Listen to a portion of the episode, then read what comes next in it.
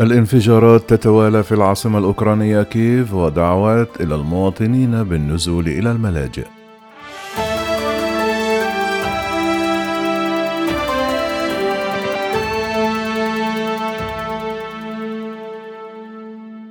فيما يترقب المسؤولون الأوكرانيون ساعات حاسمة مقبلة أعلنت الخدمة الحكومية للاتصالات الخاصة وحماية المعلومات في أوكرانيا أنه تم سماع انفجارات صباحا في العاصمة كيف وفي مدينة خاركيف الواقعة في الشمال الشرقي والتي تعد أهم مدينة في البلاد.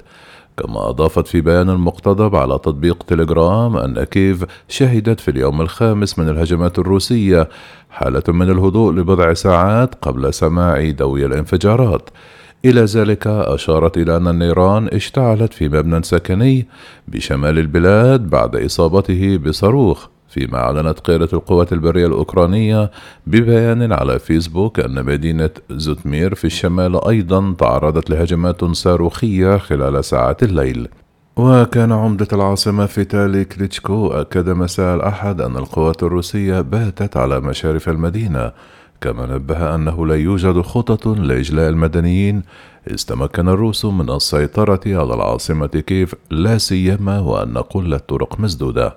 كذلك حذر في مقابلة مع وكالة أسوسيت بريس من القدرة على سد النقص في مخزون الغذاء والدواء المتناقص والذي يقل مع مرور الوقت معتبرا أن العاصمة باتت على شفا كارثة إنسانية على الرغم من صمود دفاعاتها.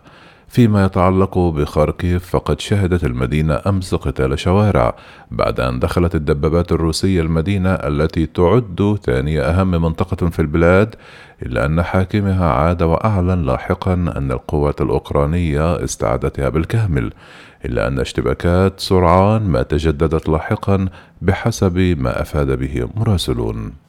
الجدير بالذكر أن أوكرانيا تشهد من 24 فبراير الحالي عملية عسكرية روسية أتت بعد أيام على اعتراف الرئيس الروسي فلاديمير بوتين باستقلال منطقتي لوغانسك ودونيتسك في الشرق الأوكراني ومن ثم دخول قواته تحت ذريعة حفظ السلام وحماية الناطقين باللغة الروسية بحسب ما أعلنت موسكو.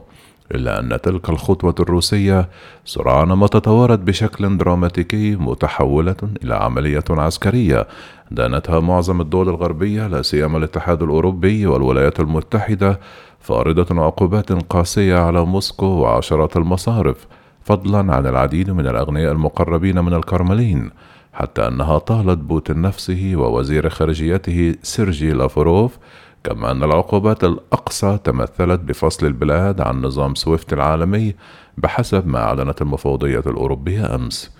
يمتد الصراع الروسي الأوكراني لسنوات مضت حيث اشتعل في عام 2014 بعد أن سيطرت موسكو على شبه جزيرة القرم وضمتها لأراضيها.